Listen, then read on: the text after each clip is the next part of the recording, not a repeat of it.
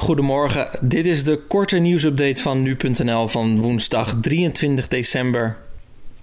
Het vliegverbod voor passagiers uit Zuid-Afrika en het vlieg- en aanmeerverbod voor het Verenigd Koninkrijk zijn afgelopen nacht om 12 uur komen te vervallen.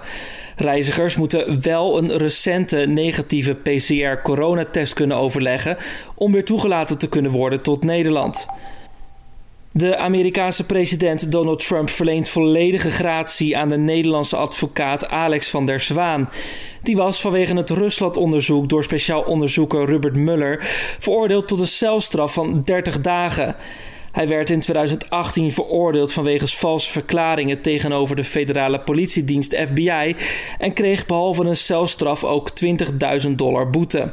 Hij heeft de celstraf inmiddels uitgezeten. Israëliërs gaan komend voorjaar voor de vierde keer binnen twee jaar naar de stembus. De coalitiepartijen Likud en Blauw en Wit wisten dinsdag geen begrotingsakkoord te bereiken. De huidige coalitie wordt daarom automatisch ontbonden.